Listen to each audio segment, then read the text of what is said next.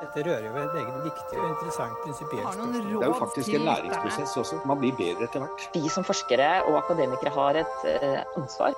Men selvfølgelig, det tar mye tid. ja. Ta mye, ta mye, ta mye tid. ja. Jeg gir jo råd noe som jeg vet at jeg selv ikke alltid klarer å følge, men som jeg kanskje ønsker å følge. I teorien kan mange forskere gjøre ganske lite. Som professor på universitetet har man opp mot halve stillingen til forskning, som du kan fylle med hva du vil. Kan du gå på ski midt i arbeidstiden? Ja. Kan du reise bort i flere dager uten å melde fra til noen? Ja, i teorien kan du faktisk det. Men likevel jobber forskerne mer og mer. Mange jobber helger og ferier, og sliter med å ta såkalt helt fri. Det er ikke uvanlig at forskere bruker lørdagskvelden på å skrive søknader eller gi fagfølgevurdering til andre forskere. Dagene og kveldene strekker ikke helt til, og forskjellen mellom jobb og fritid er kanskje ikke så tydelig som den en gang var. I denne episoden av Forskerrådet skal vi diskutere hva det er som gjør at forskere jobber stadig mer, og hva forskerne kan gjøre for å lykkes med såkalt work-life balance uten å bli hengende etter i den beinharde internasjonale konkurransen forskerlivet er. Først litt fakta om forskere og arbeidstid. NIFUs tidsbruksundersøkelser viser at det brukes mye tid på jobb i UH-sektoren. Det er helt vanlig at vitenskapelig ansatte jobber en hel arbeidsdag ekstra i løpet av en vanlig arbeidsuke. Det er også helt vanlig at ingen har noen reell oversikt over hvor mye de vitenskapelig ansatte egentlig jobber, da de veldig sjelden registrerer alle timene sine. De timene som kanskje inngår i et såkalt timeregnskap, f.eks. undervisningsoppgaver eller veiledning, er dessuten i utakt med det virkelige timeantallet. Forskerforbundets nyeste undersøkelse om tidsbruk viser at 80% av de ansatte mener de normalt arbeider mer enn den tiden som er normert til ulike oppgaver på arbeidsplanen. Og det er professorene som i aller størst grad jobber mer enn det de skal, eller i hvert fall mer enn det de får betalt for. Forskerforbundets egne undersøkelser om arbeidssituasjonen under koronapandemien viser dessuten at pandemien gjorde at alle jobbet enda mer, spesielt kvinner med ansvar for barn. Dagens gjest i Forskerrådet er postdoktor i teoretisk fysikk ved Universitetet i Oslo, Anders Kveldestad. Du leder det store prosjektet Gambit, The Global and Modular Beyond the Standard Model Inference Tool, og du vant Fridtjof Nansens belønning for yngre forskere innen realfag og medisin i 2021. Mange har nok også hørt stemmen din før på radio i Abels tårn. Hjertelig velkommen til Forskerrådet. Tusen hjertelig takk, det er veldig hyggelig å være her. Så bra. Da starter vi med det store spørsmålet, Anders Kveldstad. Jobber du nok? Eh, Da skal jeg svare på den mest akademikermåten jeg vet om. Eh, Ja og nei. Eh, Forklar. Ja. Altså, Med tanke på det som står i kontrakten min, så jobber jeg definitivt nok. Så UiO kan være fornøyd. De, ja, hvis de jeg, hører på, de syns jeg ja. Mm. godt kan være fornøyd hvis de hører på. Hei, sjefen. Um, men uh, om jeg jobber nok med tanke på å sikre en videre karriere, det vet jeg ikke. Om jeg jobber nok med tanke på alle de tingene jeg sier at jeg skal gjøre, da tror jeg svaret er nei. Så hvis jeg spør på en litt annen måte, da. Om du føler du at du jobber nok? Sånn på en vanlig dag, når du, når du går fra kontoret eller sier at nå går vi over på fritid eller noe annet, eh, tenker du da nå har jeg jobba nok? Ja, i det store og det hele så, så føler jeg det. Eh, men jeg har tenkt ganske mye på det her og diskutert en del med, med venner og familie. Og jeg tror kanskje jeg, og jeg mistenker at en del andre akademikere, vi tenker kanskje ofte på punkter på to do-lista heller enn antall timer. Så jeg kan gå fra jobb, og hvis jeg fikk strøket av alle punktene på to do-lista eh, etter seks timer, så kanskje jeg tok en tidlig dag den dagen og følte at jeg hadde jobba nok. Men en annen dag så sitter jeg ti-elleve timer, men hvis jeg ikke fikk til noe, så går jeg fortsatt fra jobb med følelsen at å, jeg har ikke jobba nok. Nei. Så det er en sånn derre Hodet mitt funker mer på en sånn punktliste-utstryking enn antall timer. da. Det er kanskje ikke helt sunt, men det er sånn det funker. Nei, for det, Da risikerer du jo at du aldri føler Altså Hvis det er for mange punkter på punktlista, og det tror jeg det blir for ganske mange av oss etter hvert, eh, så vil du jo alltid gå med en følelse av at du faktisk ikke har jobba nok hver eneste dag. Ja, er du ikke redd for det? Jo, jeg er redd for det, og jeg kjenner på det eh, ganske ofte. Eh, så det er noe det er noe jeg prøver å være, være bevisst på. Eh, og som du, du var inne på, at det er veldig få av oss som altså Mange av oss føler at vi jobber veldig mye, og vi jobber antagelig veldig mye, men mange av oss har så lite oversikt over hvor mye vi faktisk jobber. Så jeg har lurt på det om kanskje jeg bør være flinkere til å faktisk føre et timeregnskap bare for min egen del. Fordi da kanskje jeg vil kunne gå fra kontoret med litt bedre samvittighet, selv om jeg ikke fikk strøket av den lista. Da. Nei, det, det punktet på den lista. Mm. Er det lov å spørre om du har en, har du en fysisk liste hver dag, eller er det mer metaforisk? Nei, den er stort sett fysisk hver dag. Den er det, ja? Jeg, har prøvd å kjøre sånn to do-lister på laptopen eller på telefonen, men, men jeg trenger hver dag så trenger jeg å skrive den på et papir. Sånn at jeg kan stryke det ut med penn og papir og krølle sammen den lista på slutten av dagen. Og da blir du veldig glad når du kan krysse av? Ja. Eh, også til det nivået at av og til så skriver jeg ting på lista som jeg allerede har gjort, bare sånn at jeg kan stryke det ut igjen. Fordi Oi. det er en veldig tilfredsstillende følelse. Jeg kan kjenne meg veldig igjen i dette. Jeg har også veldig mange lister. Eh, Men eh, hvorfor har det blitt sånn, tenker du? At vi alle For dette du beskriver nå, er jo veldig gjenkjennelig for meg, og vi vet også at det, det samsvarer veldig godt med det forskere sier i undersøkelser, og jeg tror vi alle kjenner forskere som har veldig mye å gjøre, og som bruker mye fritid på jobb. Mm. Men hvorfor har det blitt sånn? Det tror jeg er et veldig stort spørsmål, altså, og det forbinder nok si, både det systematiske og det individuelle. På den systematiske siden så er det ingen tvil om at eh, altså Jeg som postdoktor kjenner jo veldig f.eks. på dette med midlertidigheten. Ikke sant? At du lever på relativt korte kontrakter, forskningsmidlene er eh, si, begrensa i tid, du skal Ofte så teller kvantitet kanskje mer enn det burde, sammenlignet med kvalitet. Så du skal helst få ut x antall artikler på den tida du har til rådighet, veilede x antall studenter osv. osv. Uh, så ingen tvil om at den konkurransen, og kombinert med ofte veldig kortsiktig finansiering, tror jeg er en Altså, det er den store systematiske eh, siden av det. På den mer individuelle sida så tror jeg jo mange av oss, i hvert fall så vet jeg det selv, at det harde liksom jobb-fritid-skillet er litt kunstig da, for en del av oss. Fordi noe av grunnen til at vi jobber i akademia, er jo fordi vi bryr oss så mye om det vi jobber med, at jeg vet i hvert fall selv, altså selv så jobber jeg med fysikk og matematikk og programmering og, eh, og den typen ting. Og altså, hvis jeg hadde veldig mye mer fritid, så hadde jeg brukt noe av fritida på den typen oppgaver allikevel. Så det er akkurat som oppgavene mine faller på et slags sånn kontinuerlig spektrum. Da. Fra det som er 100% jobb, så altså jeg ville aldri brukt fritida mi på rette eksamener. Men jeg ville brukt fritida mi på å kanskje skrive litt kode eller se på litt matematikk. Så det er sånn Det er vanskelig å skille, da. De eh, jobb og fritid noen ganger.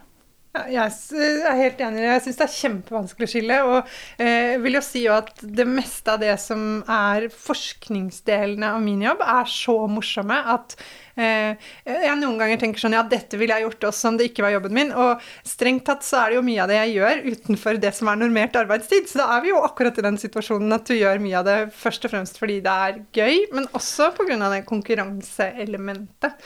Ja. Eh, Og altså, fra et sånt rent arbeidstakerperspektiv, så gjør vi oss Altså, vi skyter oss selv litt i foten ved å i stor grad tenke på mye av jobben vår som en hobby. For da kanskje vi aksepterer betingelser som vi ikke burde akseptere.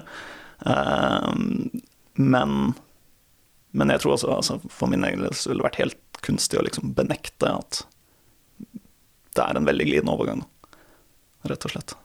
Jeg har tenkt noen ganger at vi forskere kanskje er, eh, verdens beste arbeidstakere for en arbeidsgiver, nettopp fordi vi er villige til å jobbe så utrolig mye. Og eh, også det å leve med, sånn som jeg nevnte i stad, disse 80 som sier at eh, ja, vi får timer på arbeidsplanen, men alle timene er helt feil, for det tar veldig mye mer tid. F.eks. veiledning av studenter. Vi legger jo ned den tiden det faktisk tar, uten å forholde oss i altfor stor grad kanskje til det tallet som, som står der om hvor mye tid det burde tatt.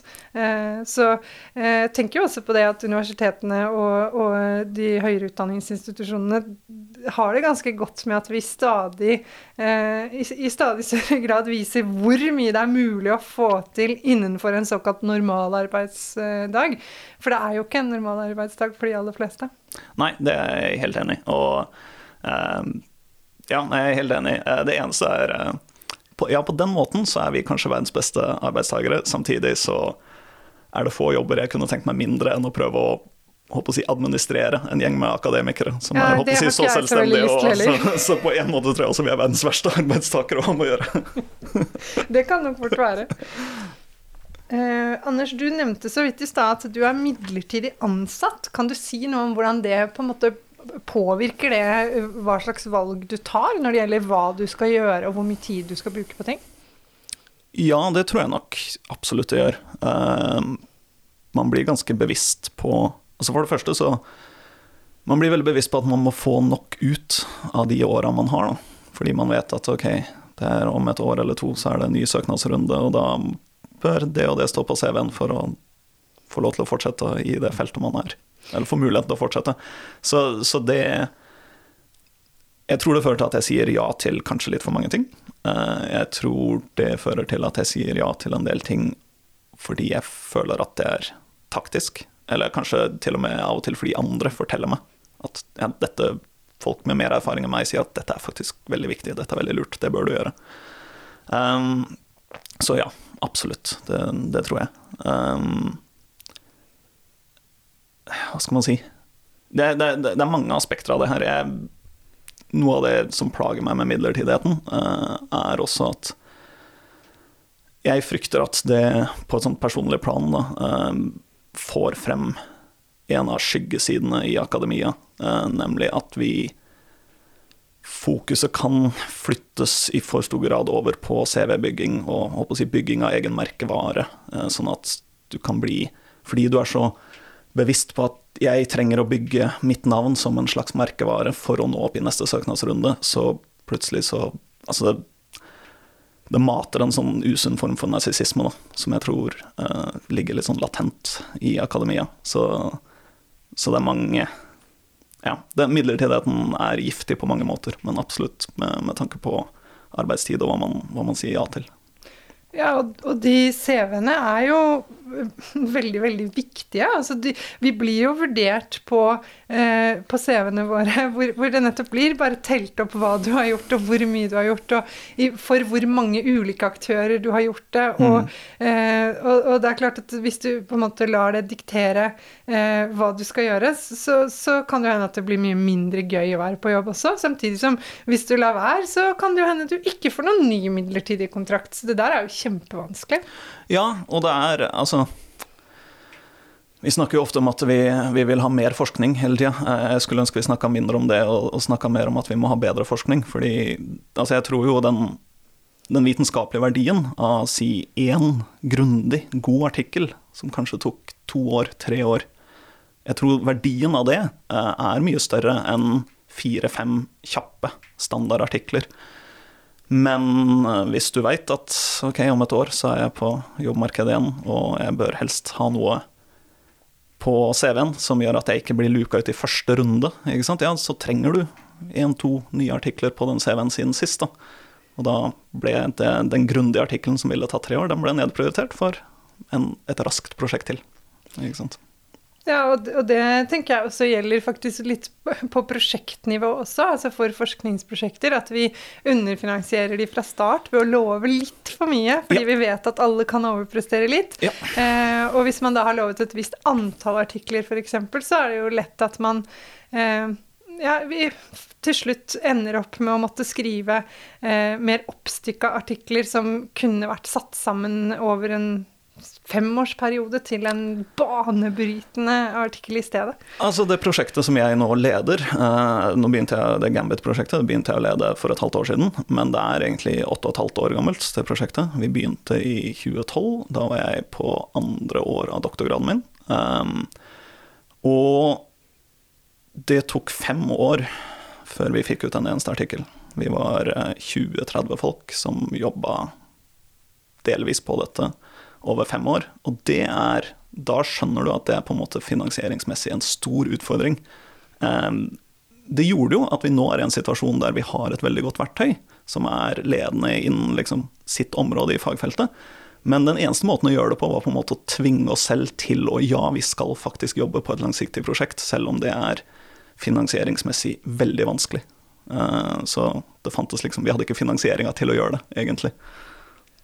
Og det er jo kjempebra at noen gjør det, for jeg vil jo tro at det er der på en måte de store vitenskapelige gjennombruddene ligger også. Eh, De er jo ikke sånn historisk rett preget av hastverk, først og fremst. Nei, jeg tror i hvert fall at verdien av det i det lange løp eh, Jeg tror verdien av det vi brukte de fem åra på i det lange løp, er større enn det vi hadde enn den vitenskapen vi hadde fått ut om vi bare satt på hver vår tue eh, og gjorde ett- til toårsprosjekter. Det tror jeg. Men det finansielle insentivet var at vi skulle gjøre ett- til toårsprosjekter alle sammen. Og det er jo det vanligste. Ja. Men Anders, når du skal vurdere om du øh, skal gjøre en oppgave eller ikke, jeg vil si du får et spennende, spennende spørsmål fra noen om du vil være med på et eller annet, eller øh, være med å gjøre noe, sier du ja eller nei ut ifra strategisk kløkt, eller hva du har mest lyst til den dagen, eller er det noe helt annet som styrer de valgene for deg? Eh, Det er igjen et eh, både-og-spørsmål, selvfølgelig. Eh, altså det er både strategisk Om det er kløkt, det vet jeg ikke, men i hvert fall strategiske vurderinger. og Kanskje spesielt da i en midlertidig stilling.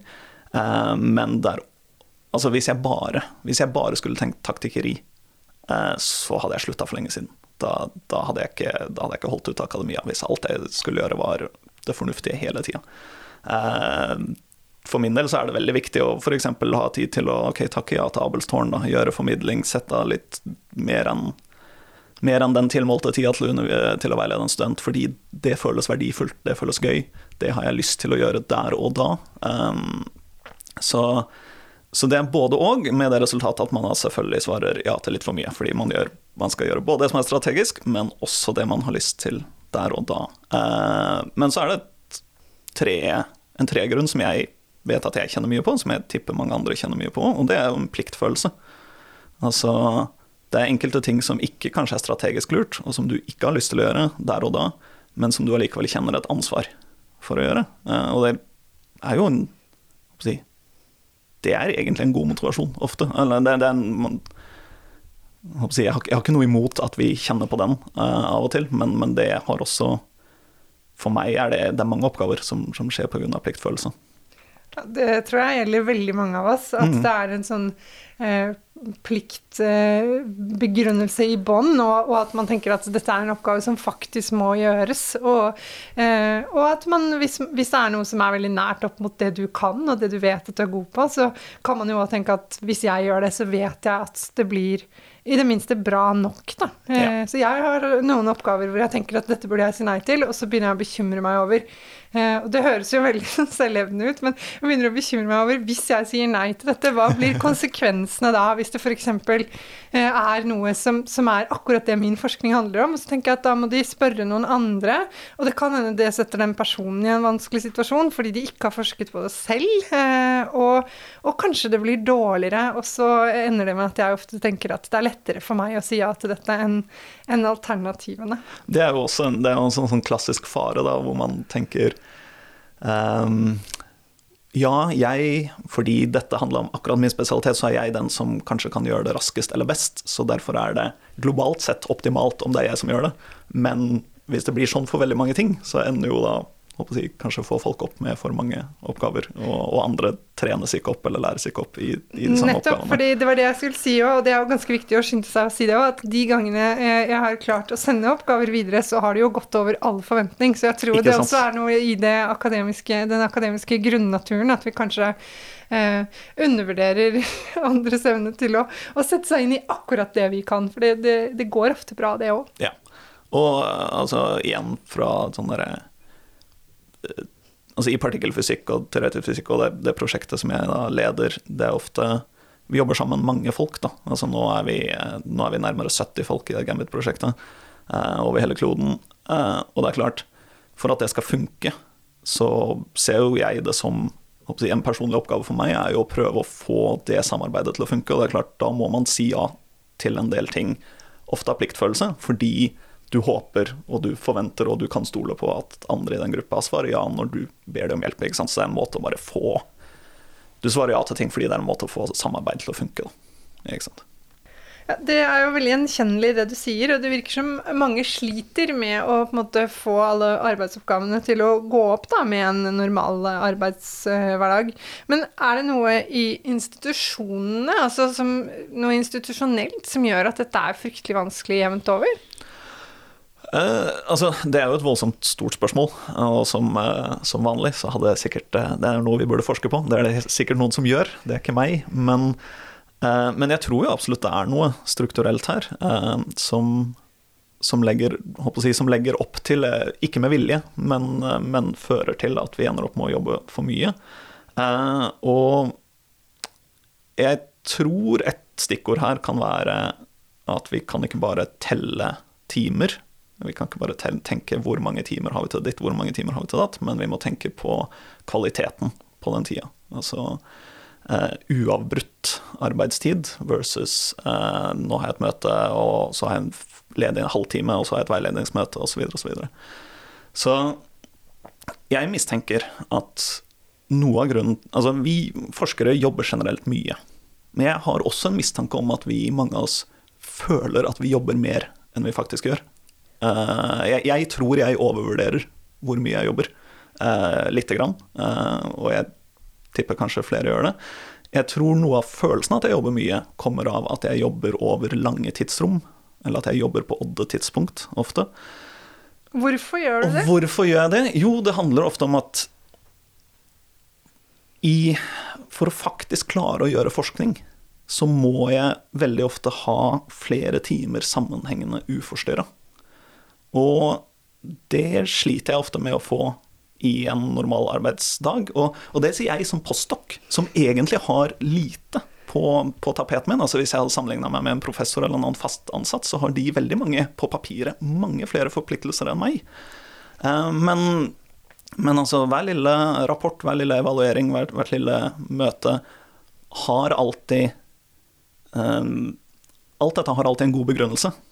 I hvert fall nesten alltid. Ja, nesten alltid. Jo, men, jo, men stort sett. Altså, det, det, er veldig få uh, i styre og stell som, som, vil oss vondt, tror jeg. Uh, men summen av det blir fort at uh, det ikke er uavbrutt tid igjen.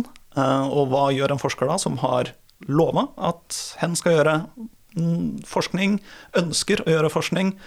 Jo, da finner du den uavbrutte tida på andre tidspunkt. Eh, for min egen del så fører det som regel til at den, si, den produktive forskninga skjer på kveldstid. Som, altså på din fritid? Som på det som burde være min fritid, ja. Eller mm. kanskje det skjer i helg, for jeg vet at mange da altså spøker med at nå er det ferie, nå kan jeg endelig forske. Eh, og det er ikke uten grunn at, at man sier det. Fordi man, man, man trenger uavbrutt tid for å faktisk komme inn i problemet, løse problemet. Eh, det er ikke, Som regel så er ikke forskning noe du gjør på en ledig halvtime innimellom møter. Nei, det er jeg helt enig i, og jeg kjenner meg veldig godt igjen i det. Jeg ble på en måte litt glad når jeg så at Forskerforbundets undersøkelse viser at det er normalt å jobbe en hel ekstra arbeidsdag mm -hmm. i tillegg, for det betyr jo at dette er jo ikke noe bare jeg og du driver med. Mm. Eh, og jeg merker for min egen del at f.eks. lørdag morgen syns jeg er et helt fantastisk tidspunkt å forske på. eh, og skrive på spesielt, for ja. hvis jeg skal skrive, så må jeg ha uavbrutt tid. Og det bør helst ikke ha skjedd altfor mye annet eh, i forhold forkant. Sånn at hvis det er mye møter med mye løse tråder og ting jeg kanskje må følge opp senere, så syns jeg det er vanskelig å bare la det ligge mm. eh, og begynne å skrive noe bra, f.eks. Mm. Eh, så jeg, jeg, tror jo veldig mange eh, prøver å finne den uavbrutte tiden, da. Men det er jo også litt vanskelig hvis man har eh, barn eller dyr eller eh, et, et, et håp om en fritid og ja, noen ja. interesser man vil drive med. Ja, absolutt. Og, og, igjen, det der spiller jo inn på hvordan mange av oss kanskje har et slags glidende forhold til jobb og, og fritid. Og plutselig så blir si, det pliktarbeidet, administrative, rette eksamener, bla, bla, det, er, det er den bolken som blir jobb, og så blir den andre delen av det som skulle vært jobben vår, å forske, det sklir over i, i det som burde være fritidsbolken. Da. Men uh, hva, hva, gjør du for å ikke drukne i oppgaver, da? Eh, ikke nok. Jeg kjenner ofte på at jeg drukner i oppgaver. Så... Det er ikke nok med disse listene? Nei, nei overhodet ikke. Listen er en illusjon. Men det er liksom forestillingen om kontroll. Forestillingen om kontroll, ja. Eh, nei, jeg, jeg, gjør ikke, jeg gjør ikke nok på en god dag, så klarer jeg å si nei til ting. Eh, men, og jeg prøver å bli bedre på å si nei til ting. Eh, men for meg er det altså, Dette er en av de store liksom, personlige utfordringene med å være i akademia. Det er den stadig tilbakevendende følelsen av at nå har du ikke hodet helt over vannet. Nå har du mista litt kontroll. Én en ting jeg vel kanskje kanskje har blitt litt flinkere til de siste par åra, eh, men ennå ikke flink nok til, er å akseptere at en del ting blir bare ikke gjort. Aldri. Ja, altså, ja, du, De kommer aldri til å bli gjort. Nei, de kommer aldri til å bli gjort. Eh, Jeg har en kollega som, som snakka om at han hadde gått på arkeologisk ekspedisjon ned i to do-lista. Han har en eh, to-do.txt-fil på laptopen, og han sa sånn derre Når ting faller under linje 100 i den fila, så er det jo liksom Jeg går jo aldri ned dit. Det blir ikke gjort. Så og det, det burde jo ikke være sånn. Altså, det viser jo at vi sier ja til for mange ting, at mange av oss kanskje er tidsoptimister, eh, men også at vi da føler vi føler en forventning om å si ja til alle disse tingene. Eh, vi føler at vi burde gjøre det, vi burde mestre det, vi burde få det til. Og så tror jeg av og til man må akseptere at ja, noen ting blir bare ikke gjort. Eh, det er jo litt deprimerende, kanskje, men eh, ja. Det er også litt fint, da. Eh, å tenke på at noen ting kanskje ikke trenger å bli gjort. Kanskje var det av og til noen ting som eh, der og da virka når man skrev det på lista. Tenkte det var veldig viktig. Og så viser det seg i ettertid at ja, det var ikke så mange som savna det. Eh, en, en annen ting jeg gjør, ikke sånn fysisk veldig bevisst, men, men jeg vet jeg gjør det mentalt, da, er akkurat det å prøve å sortere oppgavene litt ut på dette kontinuerlige spekteret mellom hva er 100% jobb og hva er 100% fritid.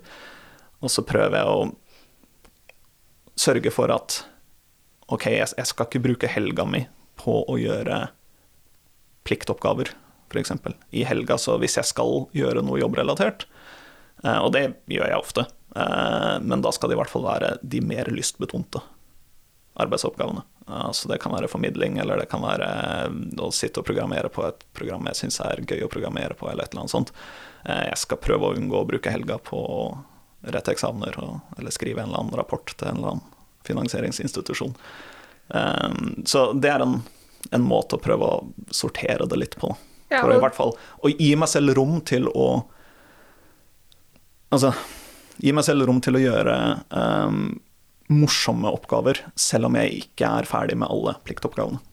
Jo, og dette er jeg veldig veldig enig i, og jeg tror også det er helt avgjørende at det er nettopp de morsomste oppgavene som blir med inn i eh, helg eller ferie. Fordi eh, hvis ikke så blir det bare kjempedeprimerende, og, og også for alle andre. Fordi eh, det, det, det bør jo være tid du er villig til å bruke fritiden Altså oppgaver du er villig til å bruke fritiden din på også. Så jeg sparer ofte de aller morsomste oppgavene til eh, lørdag morgen hvis, det er, hvis jeg skal jobbe da. Ikke Og jeg gjør det jo ikke hver helg, men, men det er jo ofte fagfølgevurdering av spennende manus, eller, Ja. eller å skrive noe jeg har lyst til å skrive. Ja, ja. Eh, og så er det jo Jeg vet ikke hvordan du har det, men jeg merker jo av og til at noen oppgaver flytter på seg da, på denne aksen. Altså, jeg, elsker å begynne prosjekter. Eh, å starte prosjekter er jo nydelig. Eh, det er mye verre å fullføre de. Eh, så et prosjekt kan starte langt ute på lystbetonskalaen, og så når det nærmer seg en eller annen tidsfrist, så føles det definitivt ikke som noe du har lyst til å bruke helga på lenger. Jeg kan garantere at det er mange av oss som kan, kan kjenne oss igjen i dette. Med altså det er jo verdens beste ting å starte nye prosjekter. Planlegge bøker, f.eks., syns jeg er så gøy. Mye morsommere enn å faktisk skrive de. Eh, Så, så det tror jeg er veldig gjenkjennelig. Um, en ting jeg har tenkt litt på, som jeg syns er litt vanskelig selv, så kan det være spennende å høre hva du tenker om det, det er jo at hver gang du f.eks. jobber altfor mye, så er du jo også med på å normalisere at det er det man kan forvente av en postdoc. Ja. Har du tenkt på det? Ja, det tenker jeg mye på. Og jeg har eh, Altså, jeg føler meg litt skitten hele tida. Eh, fordi, Fordi du jobber for mye? Ja, nei, fordi, Eller for lite? For, nei, nei, fordi jeg bidrar til akkurat det arbeidspresset som jeg jo egentlig skulle ønske vi var foruten. Al- Altså, jeg gjør det, og jeg sender jeg sender e-poster på et tidspunkt jeg ikke burde sende e-post, fordi da var jeg ferdig med det og følte et behov. Akkurat som det er en- det er en sånn egoistisk Hvis jeg får sendt den e-posten, så er det da kan jeg stryke det på min liste. da kan jeg stryke liste. det, da kan jeg sove godt. eh, Men så har jeg egentlig da forstyrra noen seint på kvelden, eh, som jeg ikke burde. Akkurat det, akkurat det flyter litt ut da når man jobber med, på et prosjekt med folk over hele kloden. Fordi da er, da er det alltid noen på jobb. Uh, Vi har altså Halvparten av kollegaene mine sitter i Australia, noen i Kina, noen i USA, noen i Canada og mange i Europa. Så hva skal jeg si Den eneste måten å unngå e-poster på, er å bare ikke sjekke e-posten, for å si det sånn. Um, Klarer du det? Mm, Nei, jeg er dårlig på det. Jeg har, eh, tiltaket jeg har gjort i år, er å flytte den e-postappen fra liksom den første frontsida på telefonen. Jeg har flytta den til sånn skrivebord, eller hva man kaller det, sånn fire-fem. Men det betyr jo bare at jeg har blitt veldig flink til å scrolle til høyre.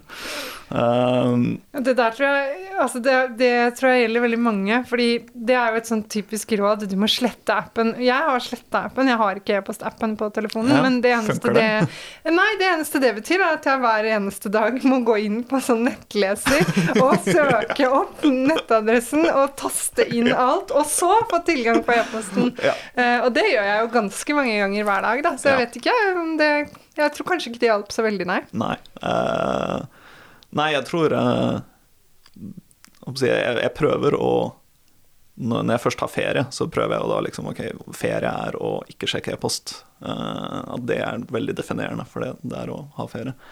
Men, men det fører også til Og det, det er noe jeg kjenner veldig på, da. Eh, når Si at du jobber tett med på et prosjekt som kanskje har en tidsfrist, eh, men den du jobber tett med, sitter i Australia. Da er det ekstremt fristende å bli ferdig med din del av oppgaven i kveld, fordi da er det klart når personen i Australia våkner opp og kan jobbe videre på det, og den personen sender det fra seg på slutten av sin dag, så våkner du opp til det på morgenen, og så har du en sånn kjempeproduktivitet, og det føles så godt.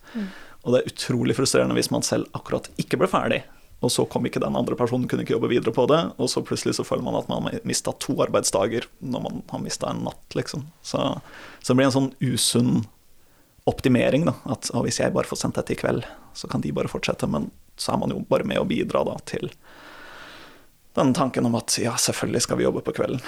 Ikke sant. Ja. Tror du at uh, noe av grunnen til at mange forskere jobber så innmari mye mer enn vanlig uh, arbeidsdag, kan være at vi syns det er ganske gøy også? Ja, det tror jeg jo. Uh, personlig kjenner jeg jo på det at ting er ofte veldig Altså, det er gøy når det skjer mye. Det er, ofte, det det er kjempegøy, kjempegøy, kjempegøy, helt til jeg føler at nå har jeg ikke hodet over vannet lenger, og da er det plutselig skikkelig, skikkelig kjipt. Men så lenge jeg har hodet over vannet og bare føler at eh, jeg har relativt god kontroll, så er det, så er det moro. Eh, samtidig så tror jeg jo Altså, det, det er veldig mye man kan si om det her. Én ting er jo altså, vitenskapshistorie, da. Hvilke, hvilke heltehistorier har vi i akademia? Eh, og det er jo ofte liksom de ekstremt dedikerte.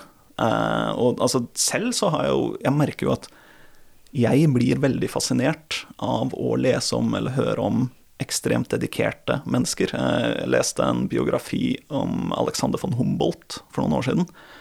Og jeg ble altså, ekstremt fascinert. Eh, og hva var det jeg ble fascinert av? Jo, det var så tydelig at Humboldt hadde en sånn misjon. Da. Dette, han levde virkelig for det han gjorde, for forskningen, for å undersøke, for Og så, så er det en, en del av meg ønsker å være den personen, ikke sant? fordi det, det virker så målretta. Altså personlig så er noe av det jeg er mest redd for her i livet, er meningsløshet. Altså bare sl- susle bort livet på trivialiteter, og så ønsker man på en måte den, den meningsfullheten. Og så hvis du da finner det i arbeid, så er det klart, da, da, da føles det meningsfullt å, å jobbe mye. Ja, det, det tenker jeg også. At, at noen ganger så er vi jo så heldige at vi forsker på både noe som er skikkelig viktig, og noe eh, noe verden trenger, da. Altså at, at vi tenker at hvis vi klarer å finne ut av dette, så vil det kunne være bra for veldig, veldig mange. Eh, Jeg forsker jo selv på skole, og det, det er jo et forskningsfelt som er veldig krevende. Fordi skole er jo på en måte alt på en gang. Det handler jo både om hva som skjer på skolen, og hva som skjer hjemme, og eh, gener og arv og miljø, og det er veldig mye som spiller inn. Eh, men eh, jeg tenker jo noen ganger at de, det, det har jo vært noen skolestudier internasjonalt som virkelig har på en måte forandra hva vi vet om hvordan vi lærer, og Eh, og hvordan skolehverdagen burde legge seg opp, og en del, en del sånne ting. Hvordan vi forholder oss til språk, altså som har ført til store endringer og viktig innsikt for, eh, for menneskeheten. Ja. Og jeg tror jo også at noe, jeg håper i hvert fall at noe av grunnen til at vi syns det er så gøy, er at, eh, at det er skikkelig viktig. At vi finner ut av ting og, og vet mer om verden. Ja, og holdt på å si Som du sa, altså, vi, vi har det privilegiet at vi kan forske på å jobbe med ting som, som er veldig viktig, og som kan ha mye å si for mange mennesker. Og så har jo noen av oss, altså som jeg som teoretisk fysiker, har jo det privilegiet at jeg kan bruke tida mi på noe som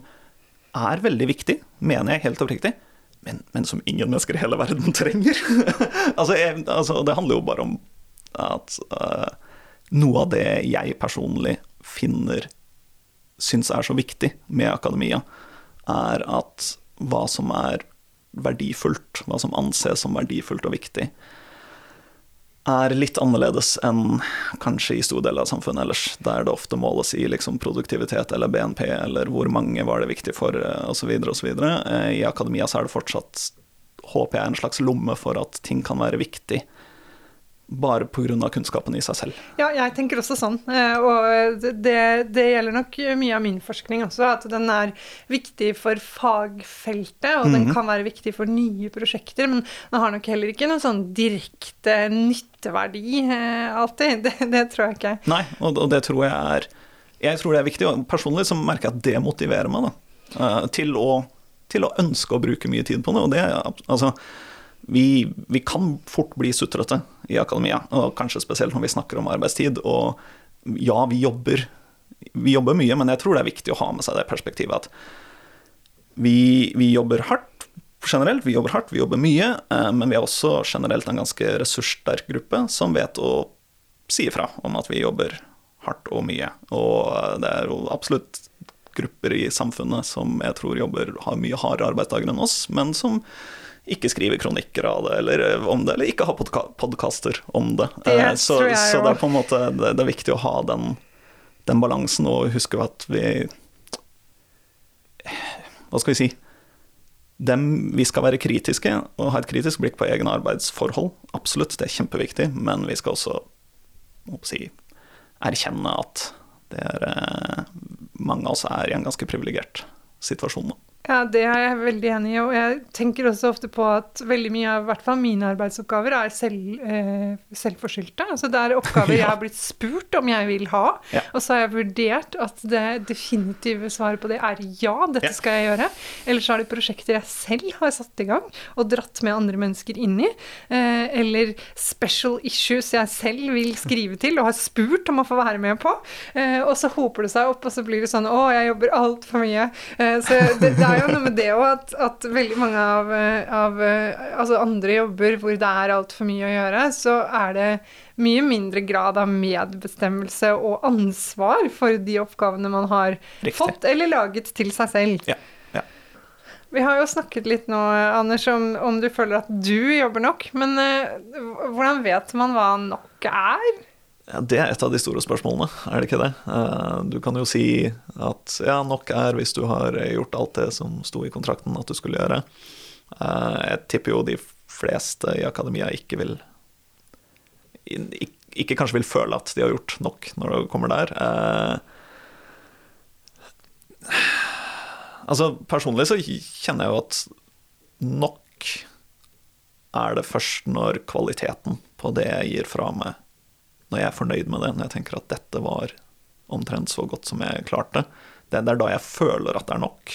Eh, hvis jeg må gi det fra meg før det, så gir jeg det fra meg med en sånn ugrei følelse. At 'å, jeg fikk ikke gjort nok, jeg måtte gi det fra meg', men det var egentlig ikke nok. Eh, så, så for meg så handler det om Altså, følelsen av det, i hvert fall, eh, handler om å gå på kvalitet. Klarte jeg å Var denne undervisninga god nok? Var denne veiledninga god nok? Var den artikkelen god nok? Hvis den var det, hvis jeg var fornøyd med kvaliteten, så, så var det nok. Men det blir jo en veldig sånn individualisert forståelse av hva er nok. Ja, og det har vi jo så vidt vært inne på, litt dette med hva er enkeltpersonens ansvar, og hva er, eh, hva er liksom det strukturelle i det. Men eh, det kan jo òg være et problem hvis hver enkelt person har ansvar for eh, både å jobbe nok, men også ikke jobbe for mye. Absolutt. Og altså eh, i en sånn naiv eh, drømmeakademia så skulle jeg ønske at det var si, rom for å jobbe veldig mye, men ikke press for å jobbe å si, overdrevent mye. Og jeg skjønner at de to tingene ikke henger sammen, fordi til slutt så søker vi på de samme stillingene. Ja, og da vil jo de som har jobbet mest, og med mest synlige resultater, helt klart se ut som en bedre kandidat. Ikke sant, men, men det er et eller annet med at denne jobb-fritid-balansen um, Det er Altså det er både et strukturelt og et individuelt spørsmål. Og jeg ønsker på en måte et akademia der det også er rom for å prioritere annerledes enn den norske A4-familien. Uh, altså vi, jeg, jeg, har ikke lyst til at det skal bli en tvangstrøye der uh, de som faktisk ønsker å, å bruke en, mer enn gjennomsnittlig tid, nødvendigvis skal ha bare dårlig samvittighet for det. Altså, det men det er jo en, si, det er en, det er Jeg tror ikke vi klarer å si ja takk, begge deler. Til slutt så blir det jo en slags sånn verdivurdering som, som hver og en av oss må forholde oss til. Uh, hvor, hvor, høyt prioriterer jeg dette over andre ting jeg kan bruke tida mi på, fordi døgnet har bare så mange timer. That's it. Nå nærmer vi oss uh, slutten her, Anders. Og i uh, Forskerrådet så pleier vi å avslutte med å gi noen gode råd. Um, og jeg vet ikke helt om vi er de beste forbildene når det gjelder dette med å naile fordelingen på fritid og jobb. Nei, det vet ikke jeg heller. Nei, men vi skal prøve likevel å gi noen gode råd. fordi en ting vi vet, er jo at vi er i samme båt som alle andre. fordi de temaene vi har diskutert, gjelder jo veldig mange forskere. At det blir litt for mye jobb, både fordi det er veldig gøy og fordi det er litt for mye. Og så er det den balansegangen som er veldig krevende. Mm. Eh, men vi skal komme, prøve å komme med eh, fem gode råd. Du kan få begynne med det første. Ja, eh, det første er vel kanskje å prøve å være litt kritisk til hva man sier ja til. Så, så godt det lar seg gjøre. Altså, jeg klarer det ikke selv, men jeg prøver å bli bedre på det. Men tenke Ja, ha, ha litt filter, da. Kanskje tenke litt det store bildet. Ehm, når, eh, altså, hvorfor er jeg i akademia, hva er det egentlig jeg vil her? Er dette en oppgave som jeg syns er verdifull, og som jeg tror er altså, taktisk på en måte, men også liksom, verdifull? Er dette, er dette noe jeg være litt kritisk på hvilke oppgaver man, man sier ja til, så langt det er mulig. Ja, jeg har en, en, personlig regel der som jeg ikke alltid klarer å følge, men jeg prøver å vente 24 timer før jeg sier ja, hvis det er en stor oppgave. Fordi min ryggmargsrefleks er å si ja til alt, spesielt hvis det er et kjempestort og kult uh, opplegg som jeg tenker å, tenk at jeg får lov til å bli være med på dette!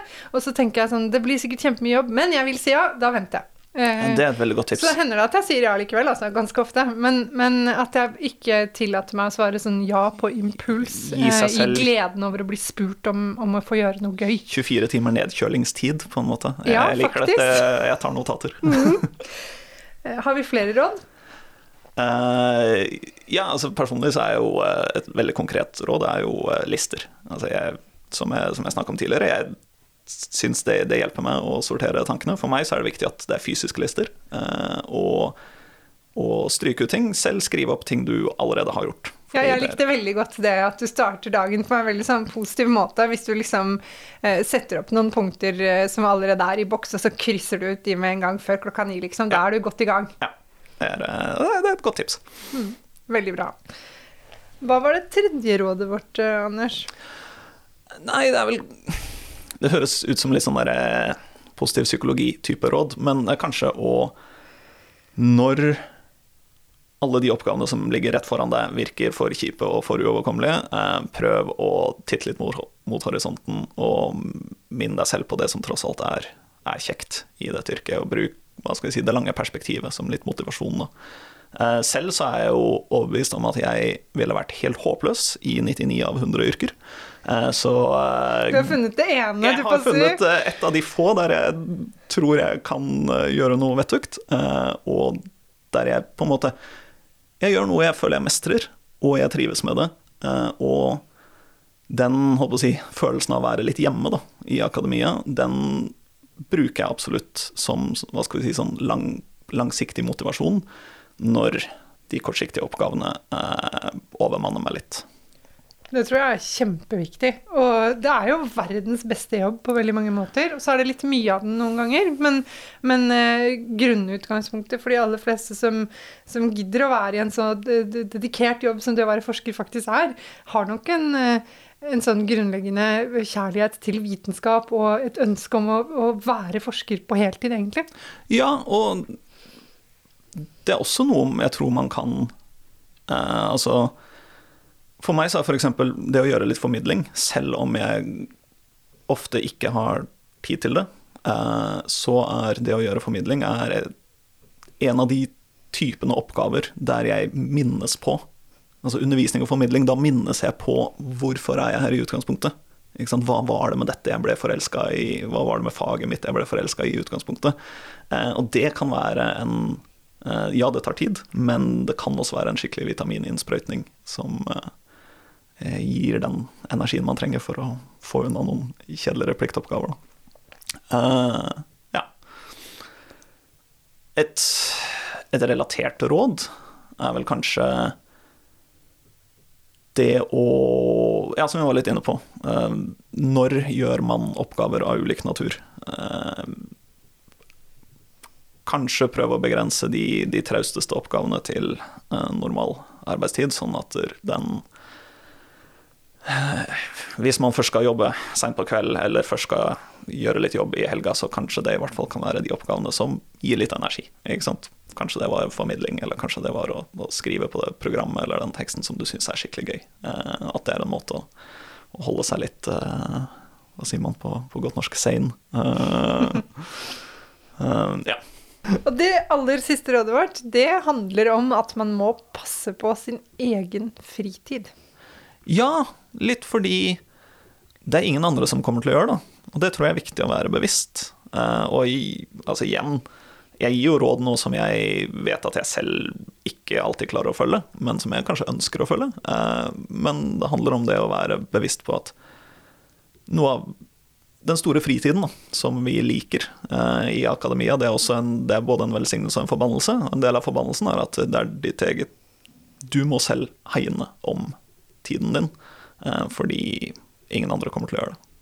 Nei, og da tror jeg også det er viktig at man ikke tenker sånn eh, jeg skal ta fri når jeg er ferdig med alle oppgavene, fordi du risikerer at det tidspunktet aldri kommer. Det er helt sant. Det er gjenkjennelig. Så vi må sette opp eh, fritid på lista. Det må Kanskje også... det, og så kan vi stryke den ut når vi er ferdig. Ja. Tusen takk for at du ville komme hit, Anders Kveldstad. Tusen hjertelig takk. Du har hørt på Forskerrådet, podkasten til Akademiet for yngre forskere. Følg oss på Facebook og Twitter, og abonner på Forskerrådet der du hører på podkast.